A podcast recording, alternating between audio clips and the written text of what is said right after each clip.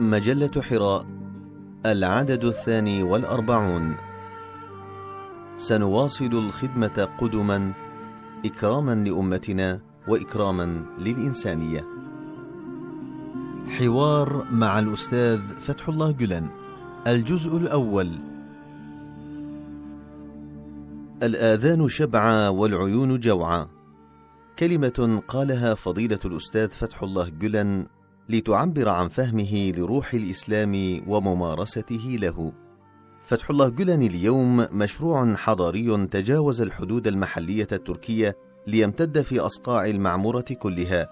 مشروعه لم يبقى حبيس الفكر بل تجاوز لينزل على أرض الواقع. إنه مشروع بناء الإنسان وغرس القيم الأخلاقية السامية في جوانيته. فالإنسان قلب الأرض إذا صلح صلحت الأرض وإذا فسد فسدت الأرض. إذا انتصر على نوازع النفس في الداخل نجح في بناء العمران في الخارج. حياة الأستاذ فتح الله جلن قصة طويلة من المعاناة والمكابدة في سبيل بناء الإنسان الصالح المؤهل لوراثة الأرض. وقد شرفت مجلة حراء منذ عددها الأول بمقالاته الملهمة الحكيمة.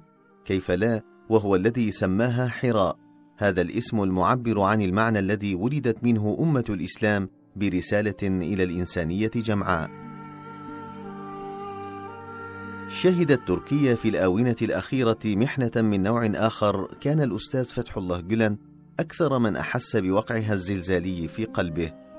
الأمر ليس سهلا، عمر مديد من العمل والمكابدة والمصابرة من أجل إخراج نبت صالح واعد، فإذا به يتعرض لأكبر حملة تشويه في تاريخه.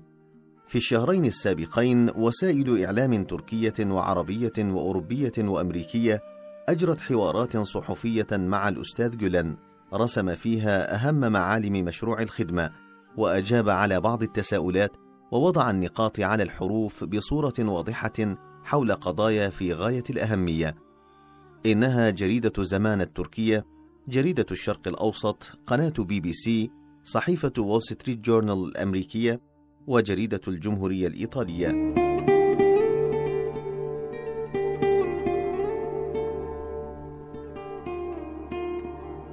ومجلة حراء عملت على هذه الحوارات بدقة قراءة وتلخيصا وتحريرا، واختارت أهم المحاور التي جاءت في هذه الحوارات لتقدمها لقرائها الأكارم، عسى أن تكون رافدا مهما في إنشاء رؤية ناضجة ملهمة في بناء ذاتنا الحضارية ومشاريعنا الإصلاحية.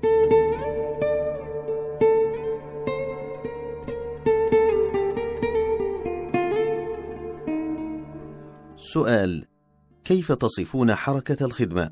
وكيف تعرفون أتباعكم؟ وما الذي يجمعكم في مشروع واحد؟ أكدت مرارا أنه يؤلمني كثيرا نسبة الناس إلى الشخص الضعيف وإلحاقهم بي تحت عناوين مختلفة كالفلانيين والعلانيين.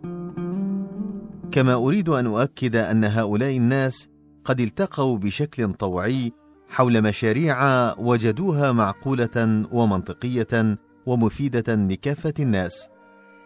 ومع أن الحركة تستهدي بقيم الإسلام فإن مشاريعها التي يقوم عليها المتطوعون العاملون في إطارها متماشية مع القيم الإنسانية الهادفة إلى تعزيز الحريات الفردية وحقوق الإنسان والتعايش السلمي بين جميع الفئات.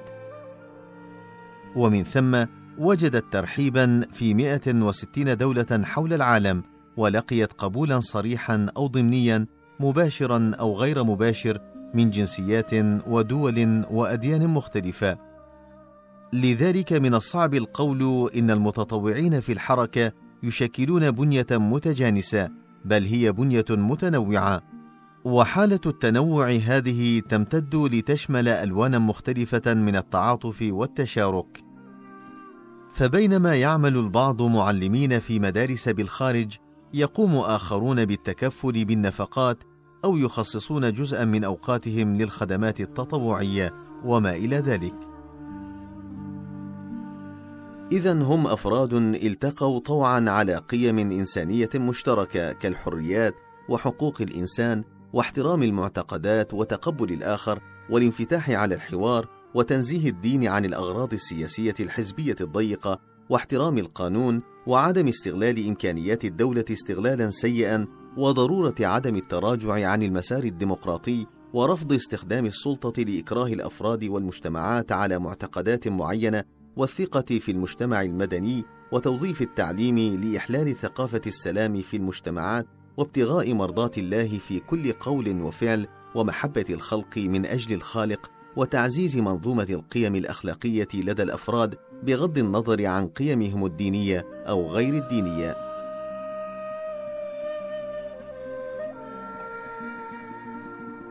سؤال: ما موقف الخدمة كعمل مدني من السياسة؟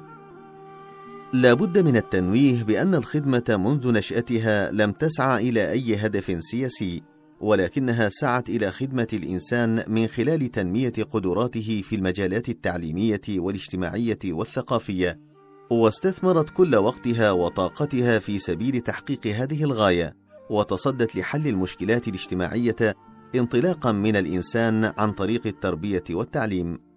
طالما ذكرت في دروسي أن لدينا ما يكفي من المساجد التي كان أغلبها فارغا في السبعينيات ولكن ليس لدينا ما يكفي من المدارس. لذلك حضضت الناس على فتح المدارس لسد هذه الثغرة. ولو كان لدينا أي هدف سياسي لكانت قد ظهرت بوادره خلال الأربعين أو الخمسين سنة الماضية كإنشاء حزب سياسي مثلا. ولقد عرض علي وعلى الكثير من إخواني في أوقات مختلفة العديد من المناصب السياسية وتم رفضها جميعا. ولقد كان بإمكان الخدمة لو كان لديها طموحات سياسية أن تؤسس حزبا سياسيا كما فعل الآخرون وتستثمر الظروف المواتية عام 2001 في وقت كانت الأحزاب الأخرى تتهاوى واحدة تلو الأخرى أو على الأقل لكان لها عدد لا بأس به من المؤيدين داخل الأحزاب السياسية التي حكمت في الماضي أو الحزب الذي يحكم الآن ولكنها لم تفعل ولم ترغب في ذلك أيضا.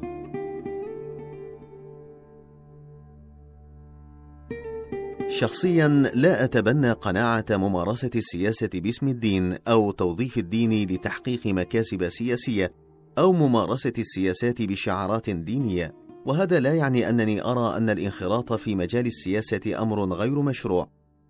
فمع أننا لا نشارك في السياسة ولا نقوم بإنشاء حزب سياسي لكن لا نرى منع أحد من القيام بذلك لأنه في الديمقراطيات لا يمكن ممارسة السياسة من دون أحزاب.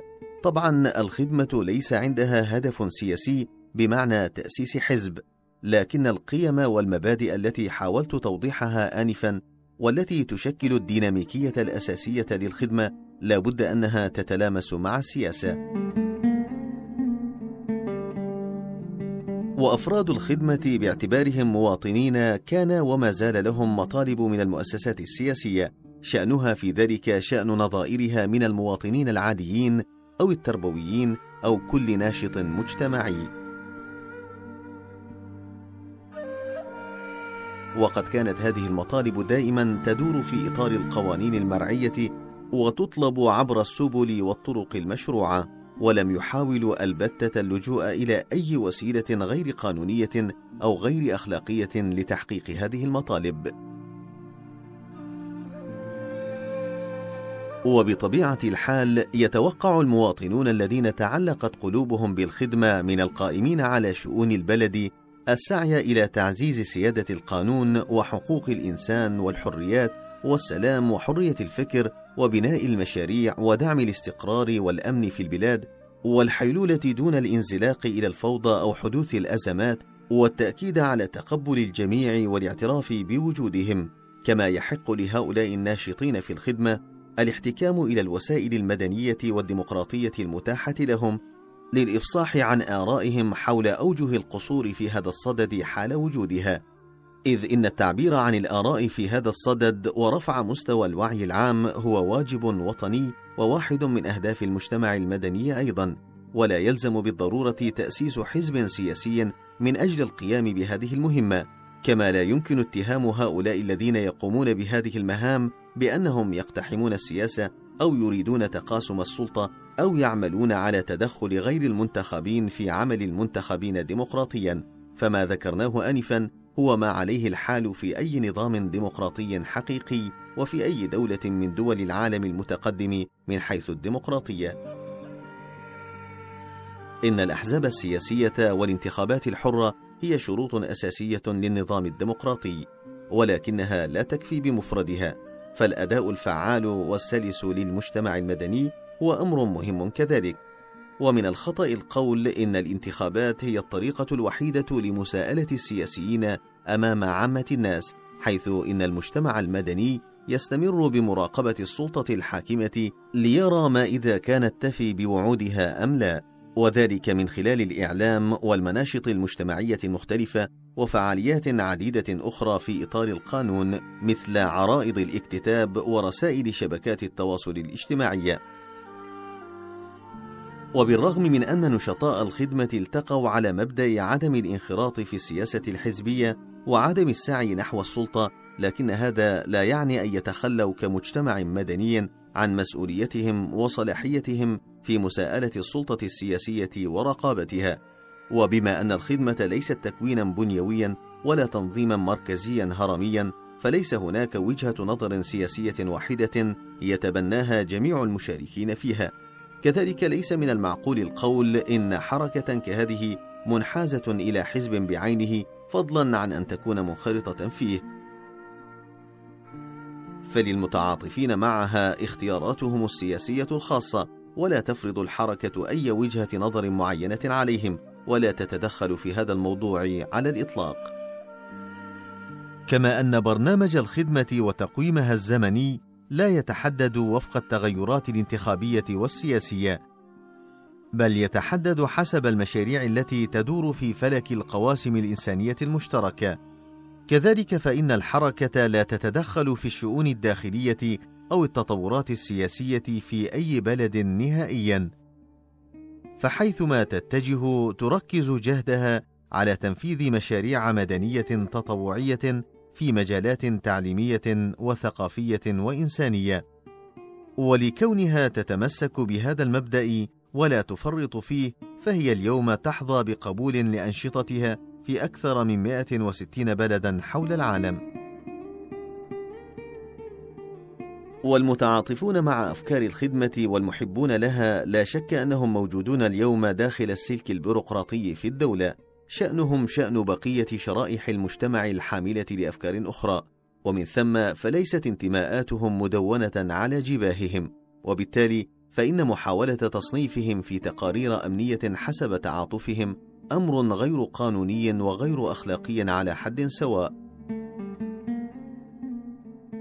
وأيضا فهؤلاء المتواجدون داخل السلك البيروقراطي ممن يقال إنهم متعاطفون مع الخدمة يخضعون خضوعا صارما للقوانين واللوائح المنظمة لشؤون العمل داخل المؤسسات التي يعملون بها ويمتثلون لأوامر رؤسائهم في مجال أعمالهم أي إن واجباتهم محددة حسب القوانين. وأريد أن أكرر التأكيد هنا على نقطة هامة.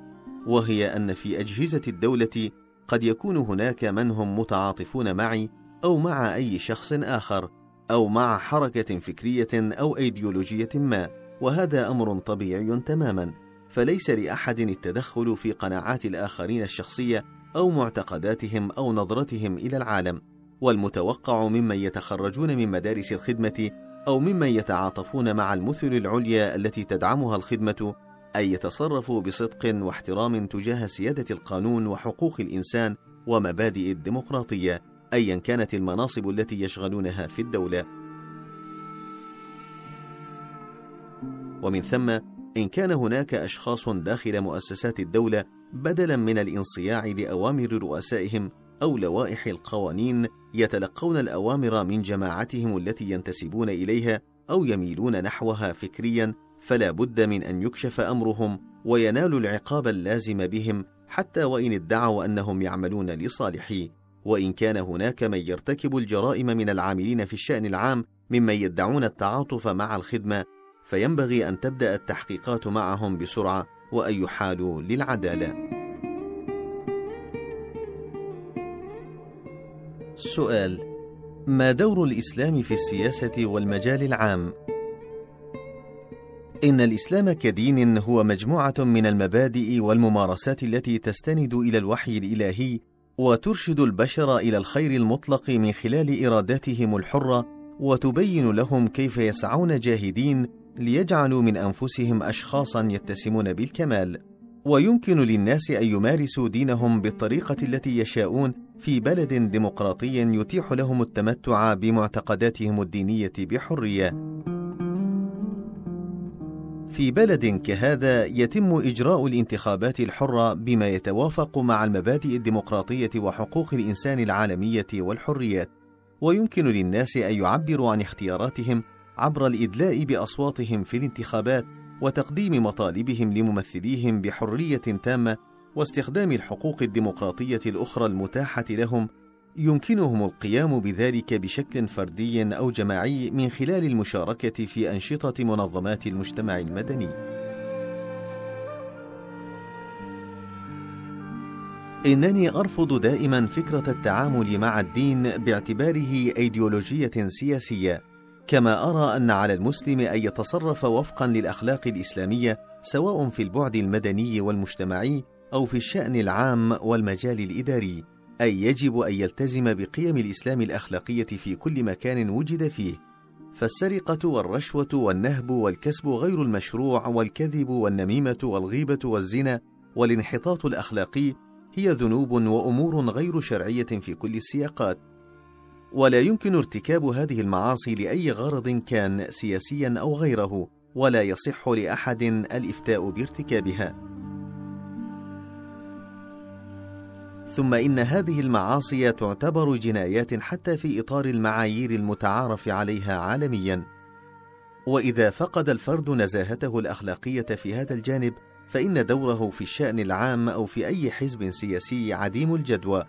وكأي إنسان عادي يسعدني أن أرى هذه المبادئ الأخلاقية وقد تحولت إلى سلوك لدى جميع من يشغلون مناصب في الشأن العام أو في المجال السياسي.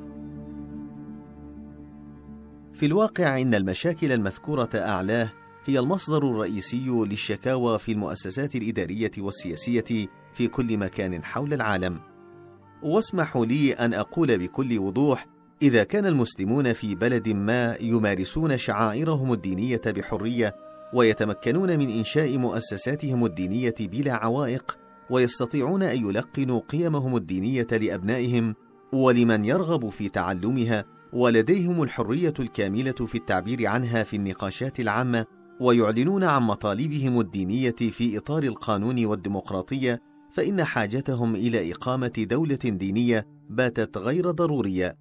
والتاريخ يشهد على أن حركات التمرد والثورات والانقلابات وأحداث العنف دائما ما تجر البلاد إلى الفوضى والمآسي. وتجعلها في نهاية المطاف تفقد كل مكتسباتها في مجال الديمقراطية وحقوق الإنسان وتكبد الشعوب أضرارا وخسائر لا يمكن تلافيها والحقيقة أنه إذا تمت السيطرة على سلطة بلد ما قسرا وأجبر الناس على التدين فإن هذا سيجعل منهم منافقين يراءون السلطة داخل بلدهم ويتظاهرون بالتدين لتحقيق منافع شخصية. ولكن ما أن يسافروا إلى الخارج حتى ينغمسوا في حياة مناقضة للدين ومفتوحة على ألوان شتى من الذنوب والآثام، ففي مثل هذا البلد يضعف احترام القانون وينتشر النفاق والرياء.